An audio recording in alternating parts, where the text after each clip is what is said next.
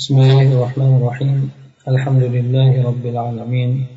الصلاة والسلام على أشرف الأنبياء والمرسلين نبينا محمد وعلى آله وصحبه أجمعين. أما بعد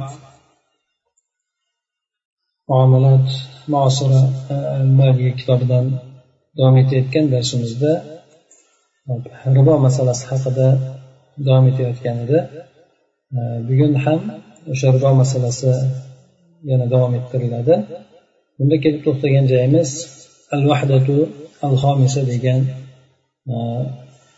unvonga kelib to'xtagan ekanmiz temaga muallif aytadiki تطبيقات معاصرة على قاعدة الربا الأعمال المصرفية توطئة يعني ribo qoidasiga bo'lgan hozirdagi tadbiqotlar ribo qoidasi bo'yicha hozirda qilinadigan tadqiqotlar e, shu mavzu ekan. E, bu temani ostidagi nomi e, bank ishlari degan amal masrafiya degani bank ishlari degani. Tavtia tavtiya bu kirish qismi yoki debocha deb qo'yiladi yoki tamhid deb qo'yiladi. Hop حط المصارف التجارية أكثر المؤسسات عرضة للوقوع في الربا لأنها قائمة على التمويل النقدي ولأن بداية ظهورها كانت في البلدان الرأسمالية التي جعلت أنظمة هذه المصاريف مبنية على الإقراض بالفائدة ولهذا كان حريا بالمسلم أن يعرف أحكام المعاملات المصرفية قبل قبل أن يتعامل بشيء منها. وقد اصطلح على تسمية تلك الأعمال بالخدمات المصرفية tijoriy banklarni kelishuvi ya'ni aqdi aqdmi o'sha nima debdi ustaza endi o'chib qolgan ekan boshidagi harf hop aqd bo'lsa kerak tijoriy bankka xos bo'lgan banklarni aqd kelishuvlari bu hozirgi paytda riboga tushib qolishlik uchun ko'ndalang bo'ladigan eng ko'p muassasalardir. Ya'ni tijoriy bo'lgan banklar shu riboga tushishlikka ko'ndalang bo'ladigan eng ko'p muassasalar mana shular bo'ladi. Chunki bular bu banklar tijoriy bo'lgan banklar pul tomonidan mablag' tomonidan moliyalashtirishlikka asoslangan. Endi bu banklarni yuzaga chiqishligini boshlanishligi bu kapitalistik davlatlarda bo'lgan. Bu davlatlar esa mana shu banklarni sistemasini foyda bilan qarz berishlikka asoslab olishgan edi. Banklar asosan foydaga qarz beradigan qilishib olgan edi. Shu sababli musulmon bo'lgan odamga bank muomalalarini hukmlarini bilishligi albatta lozim bo'ladi.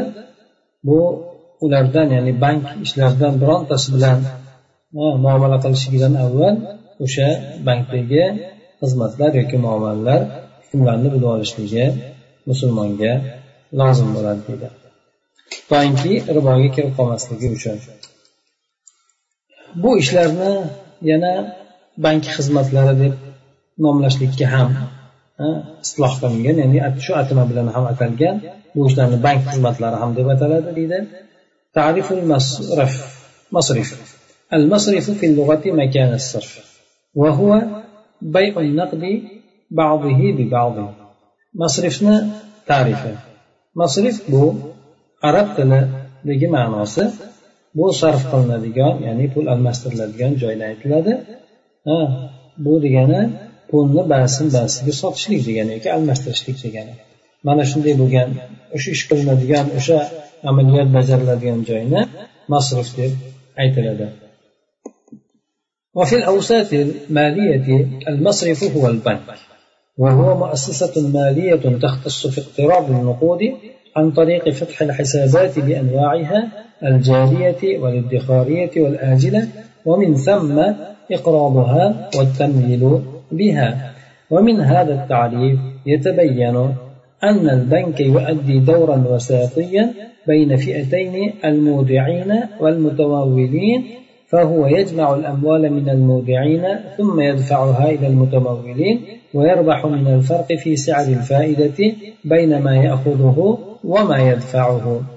وسمي البنك مصرفا لأن الوظيفة الأولى التي كانت تزاولها تلك المؤسسات هي صرف العملات وفرز المسلوكات ثم تطور الأمر وتوسعت الأعمال المصرفية إلا أن هذه التسمية بقيت ملازمة لها دون تغيير وكلمة مصرف هي الترجمة المطابقة لكلمة بنك اللاتينية فالبنك والمصرع بمعنى واحد demak yuqorida arab tilidagi ma'nosini aytib o'tildi masrifni masrif degani pul almashtiriladigan joy degan ekan endi moliyaviy sohalardagi bo'lgan atamasi bu nom buni anglatadigan mazmuni masrif deganimiz bu bankdir. Bu moliyaviy muassasa bo'ladi. Asosan pullarni qarzga olishlikda olishlikka xoslashgan.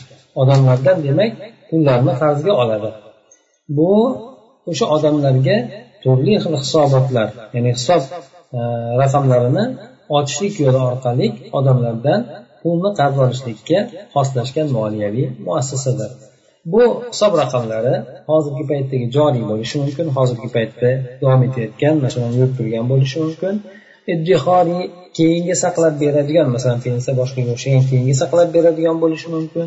Ha g'amlab qo'yadigan ajina degani keyinga saqlab keyinga nima qilib qo'yadi keyin beradigan iddihoriya saqlab boradigan.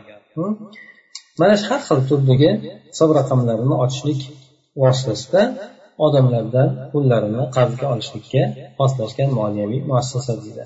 Shuningdek bu qarzga olish bilan birgalikda yana odamlarga qarz ham beradi. Hamda odamlarga o'sha pullar bilan moliyalashtirib moliyalashtirib ham turadi. Mana shu ta'rifdan bizga ravshan bo'lar ekanki bank bu ikkita guruhni o'rtasidagi o'rtakashlik rolini ado etar ekan. Bu ikkita guruh bular birisi pullarini omonatga qo'yuvchilar hamda ikkinchisi esa moliya talab qiluvchilar. Bank demak omonat qo'yuvchilardan mablag'larni mollarni jamlaydida keyin o'sha moliyalashtirishlikka harakat qilayotganlarga o'sha pullarni beradi va o'zi o'sha oldi berdi qilganni o'rtasidagi bo'lgan foydani shu narxida bo'lgan farqni foyda qiladi endi. Ha unisiga masalan aytib bundan yuz foizga masalan besh protsentdan oladigan bo'lsa narigiga yetti protsent sakkiz protsent qilib sotadi foiz qilib sotadi. Ana o'sha uch foizdan ikki foizdan demak ular taxminan mana shunaqa misol tariqasida oladigan bo'lsak shundan foyda qilishadi endi. Hop bank masrif deb nomlandi. Ya'ni pul almashtiriladigan joy deb nomlandi masrif deb. Sababi buni bank shug'ullanadigan birinchi vazifasi aslida o'sha Э, pullarni almashtirishlik bo'lgan hamda э, masturkor zayon chek shunga o'xshagan narsalarni chiqarib berishlik bo'lgan. So'ng ish keyin rivojlanib bordi. Avvalda demak avvalda mana shunga asoslangandi sekin sekin ish kengayib rivojlanib bordida hamda bank ishlari ham kengayib bordi. Э, lekin bu yerda mana shu atama masrif bank atamasi hop o'sha hech qanaqangi o'zgarishsiz lozim tutgan holatda o'sha holatni lozim tutgan holatda bu atama qoldi ya'ni masrif deb yoki bank deb qoldi endi masrif kalimasi bu bank kalimasi lotincha bo'lgan bank kalimasiga mos keladigan tarjimadir bu yerda bank ham masrif ham ikkalasi ham bir ma'noda sanaladi نشأة الأعمال المصرفية كانت بداية ظهور المصارف التجارية في إيطاليا وذلك في القرن الثامن عشر في العشر الميلادي حين أفضى انتشار التعامل بخليط غير متجانس من العملات المعدنية المختلفة الوزن والمعيار في تلك الفترة إلى ظهور طريق متخصص من الأفراد في, في عمليات المصارفة أي في فرز المسلوكات والتحقق والتحقق من وزنها.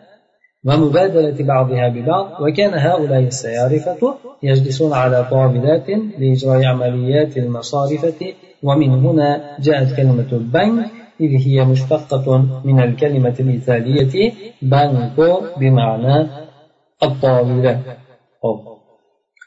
bank ishlarini boshlanishligi kelib chiqishligi tijoriy banklarni yuzaga kelishligini boshlanishligi bu italiyada bo'lgan bu milodiy o'n sakkizinchi asrda bo'lgan ekan. Ana shu paytda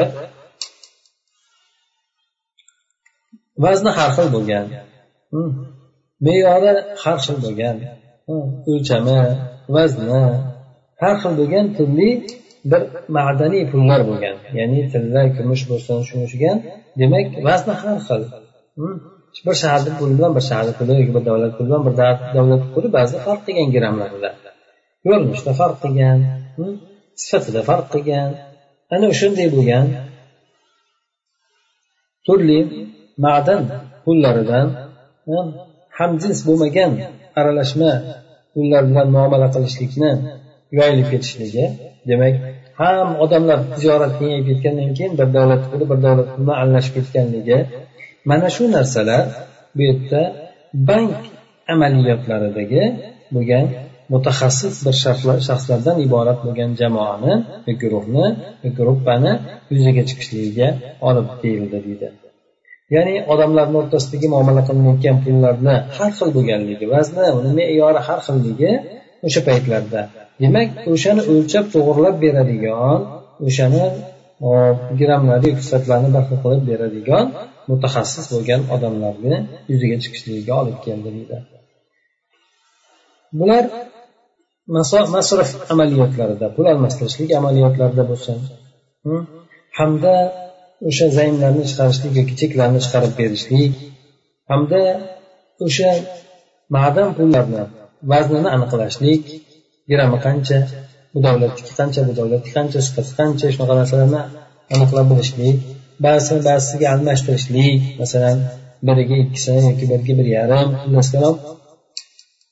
shunday almashtirishlik hamda vazni me'yorlarda aniqlashtirishlikda mutaxassis bo'lgan bir guruh jamoani yuzaga chiqishligiga olib keldi deydi. Mana bu pul almashtiradigan masalan mutaxassis bo'lgan odamlar stol atrofiga o'tirishardi. Ular o'sha bank amaliyotlarini ijro qilishlik pul almashtirishlik amaliyotlarini ijro qilishlik uchun stol atroflariga o'tirishar edi mana shu yerdan bank kalimasi kelib chiqdi deydi. chunki bu bank kalimasi italyancha banko degan kalimadan ishtihoq qilib olingan ekan bu kalima tovila ya'ni stolni ma'nosini anglatar ekan ثم تطور الأمر بأن إعداد هؤلاء السيارفة سيارفة على قبول النقود المعدنية والمسكوكات من التجار بقصد حفظها من الضياع أو السرقة فيقوم السيارفة بوضع هذه الأموال في خزائنهم مع تسليم المودع إيصالا يتضمن مقدار وديعته والالتزام بردها للمودع أو لأمره عند الطلب ويحصل السير به على رسم من المودع مودع لقاء خدماته في المحافظة على وديعته. So'ng ish yanayam kengayib bordi rivojlanib bordi borib borib o'sha pul almashtiradigan kishilar savdogarlardan ularni mollarini zoyi bo'lib ketishligidan o'g'irlanib ketishligidan saqlashlik maqsadida ma'dan pullarni tilla kumush pullarini qabul qilishlik hamda cheklarni qabul qilishlikka odatlanib borishdi deydi. Demak o'sha pul almashtirishlik ishlaydigan kimsalar endi pulni olib kelgan pulni o'lchab almashtirib berishlikdan tashqari endi biz saqlab ham beramiz. Zoyi bo'lib ketishlikdan o'g'irlashlikdan biz saqlab buni omonat e, qilib keyin topshiramiz shunga pullarni qabul qilamiz deyishlikkacha borib yetishdi pul almashtirib beradigan kishilar mana bu mollarni o'zlarini xazinalariga yoki omborlariga e, qo'yishlikni bajarishadi ya'ni qo'yishadi. Shu bilan birgalikda ular omonatga qo'ygan odamga o'sha bir kvitansiya berardi iso bu kvitansiya hmm, yoki kvitto o'sha qo'ygan omonatini miqdorini qanchaligini o'z ichiga olamidi? Edi nechi gram yoki qancha nechi kilo shunga o'xshagan narsani qo'yganligi tillami kumushmi hamda o'sha omonatga qo'ygan odamda odamga yoki uni qiladigan buyrug'iga talab bo'lgan paytida qaytarib berishligini lozim tutishlik mana shuni o'z ichiga olgan edi. Ya'ni qachon talab qiladigan bo'lsa omonatga qo'ygan odamni o'ziga yoki u bironta ishga buyuradigan bo'lsa o'sha yo'nalishga berishlikni lozim qachon talab qilgan paytda berishlik lozim tutishlik mana shu narsalarni o'z ichiga olgan bir kvitansiya yoki bo'lmasa kvittoni e, berishar edi. Bundan esa o'sha pul almashtirib beradigan odam omonatni saqlab berganligi borasida o'sha xizmatini evaziga omonatga qo'ygan odamdan bir mablag'ni yoki xizmat haqini e, xizmat haqiga erishar edi deydi. O'shani olardi. وتطور الأهم في العمل المصرفي ظهر عندما أبدى الأفراد استعدادهم لقبول إيصالات الإيداع أو أوامر الصرف التي كان يحررها المودعون سحبا على رصيدهم للوفاء بما عليهم من ديون للآخرين وذلك لما تحققه تلك الإيصالات من تماثل وأمان وسهولة تداول وغيرها مما تتطلبه حاجة التداول النقدي وبذا أصبح إرسال الإيصال الإيداعي الذي يمثل التزاما على المصرف أو الصيرف. يقوم بدور النقود الاعتيادية. وأصبح الناس وأصبح الناس يتداولون. يتداولون. ekan biz harflari o'zgarib qolgan ekan وأصبح الناس يتداولون تلك الإيصالات بدلا من تداولهم ما تمثله تلك الإيصالات من نقود أو مسكوكات وبذا ظهر ما يعرف الآن بالنقود الورقية bank amaliyotidagi eng muhim bo'lgan rivojlanishlik yuksalishlik bu shaxslar o'sha bilan shug'ullanadigan shaxslar omonatga qo'yilgan o'sha berilgan. Kvitansiyalarni ham qabul qilishlikka o'zlarini tayyor ekanliklarini izhor qilgan paytida bo'ldi. Deydi ya'ni bank ishidagi eng muhim bo'lgan yuksalishlik bu ular birinchi omonatga qo'ygan odamga kvitansiya yozib beradi dedik o'sha kvitansiya bu qo'yilgan mm, omonatni qanchaligini qachon topshirishligini hamda o'sha talab qilgan paytida o'sha ba'zi lozim kerak bo'yiga oladigan narsalarni yozishlik mana shu narsalarda yozilgan edi endi. Ana o'sha narsalarda o'sha narsalarda bular kvitansiyani pul o'rnida qabul qilishlikka bo'lgan iste'dodlarini o'zlarini qabul qilishligini izhor qilishdi dedi. Ya'ni biz o'sha kvitansiyalarni pul o'rnida ishlatishligimiz mumkin deyishdi. Yoki bo'lmasa ya'ni yoki sarf buyruqlari. Shu pul almashtirishlik bo'lgan buyruqlarini yoki bu e, ya'ni o'sha kvitansiya yoki bo'lmasa chek shunga o'xshagan narsalar mana shu narsalarni o'zini ham qabul qilishlik bu yerda omonatga qo'ygan odamlar ya'ni omonatga qo'ygan odamlar buni tahrir qilishadigan ya'ni aytishadigan ishlatishadigan e, o'sha bank buyruqlari yoki bo'lmasa kvitansiyalarni e, omonatga qo'yishlik kvitansiyalarni qabul qilishlikka bo'lgan iste'dodlarini qabul qilishlikka bo'lgan e, tayyorgarliklarini izhor qilgan paytda bo'ldi bular bunda nima qilishadi?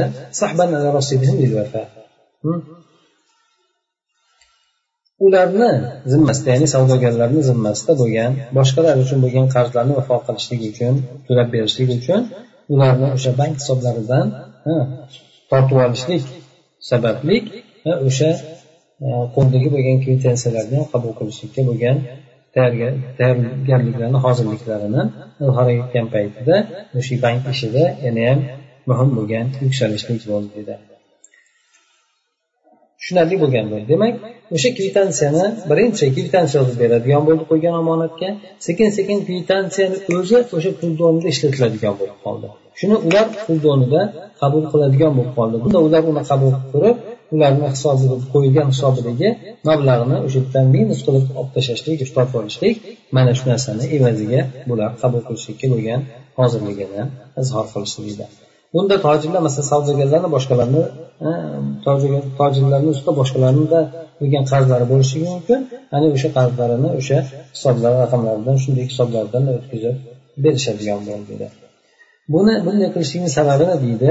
Bu nimaga bu yo'lda tutishdi deganda o'sha o'sha kvitansiyalar ro'yobga chiqarib beradigan juda ham tamasi bir biriga o'xshashligi hamda judayam omonat ishonch ya'ni omonatdorligi omonligi tinch tinch yo'ldan bo'lishligi hamda uni muomala qilishlikni juda yengilligi.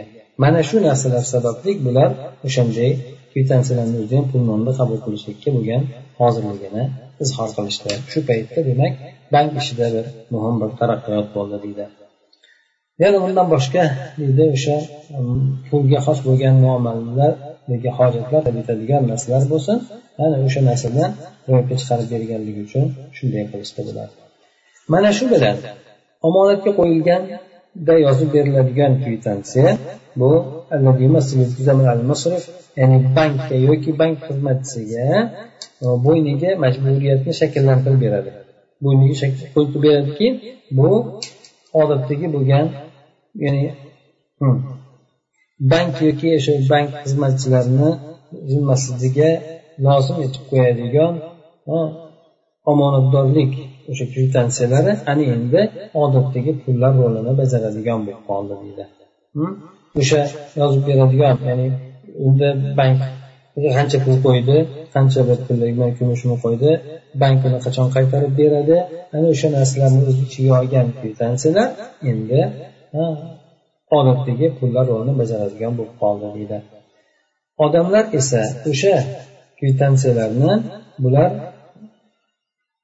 o'zaro bir biri bilan muomalada ishlatadigan bo'lib ketishdi. Bular o'sha kvitansiyalar shakllantiradigan mablag'lar bo'lsin yoki bo'lmasa cheklar bo'lsin o'sha narsalarni o'rtasida muomala qilishligini o'rniga o'sha cheklarni o'zi bilanlar muomala qiladigan bo'lib ketishdi. Mana shu bilan hozirgi paytda ma'ruf bo'lgan qog'oz pullar degan narsa yuzaga chiqdi deydi demak qog'oz pullarni yuzaga chiqishligi mana shu yerdan bo'lib chiqqan birinchi omonatga qo'yiladigan tilla kumushlar bular chek yozib berishgan yoki bo'lmasa o'sha kvitansiya yozib berishgan o'sha kvitansiyalar sekin sekin mablag' pul donida ishlatiladigan bo'lgan o'sha pul donida ishlatiladigan kvitansiyalardan ana endi sekin sekin hozirda ishlatiladigan qog'oz pullar degan narsa kelib chiqqan ثم إن مفهوم الأعمال المصرفية لم يقف عند هذا الحد بل وصل الأمر إلى ظهور وظيفة جديدة هي الوظيفة الاستثمارية حيث اكتشف الصيارفة أن بمقدورهم استثمار الجزء الأكبر من الودائع الجارية المكدسة في خزائنهم دون أن يتعرض مركزهم المالي للخطر إذ ثبت لهم بالتجربة أن نسبة ما يسترد من تلك الودائع يعد ضئيلا مقارنة بما يتبقى منها والذي يستثمره الصيرفي لنفسه ومن ثم رفع السيارفة عن كاهن المودعين الأجرة التي كانوا يتقاضونها بل ودفعوا لهم فوائد مقابل إبقائها عندهم إلى أجل معلوم حفظا لأربابها المزيد منها. so'ng ana undan bu bank ishlarini tushunchasi bank ishlarini tushunchasi mana bu chegarada to'xtab qolmadi deydi.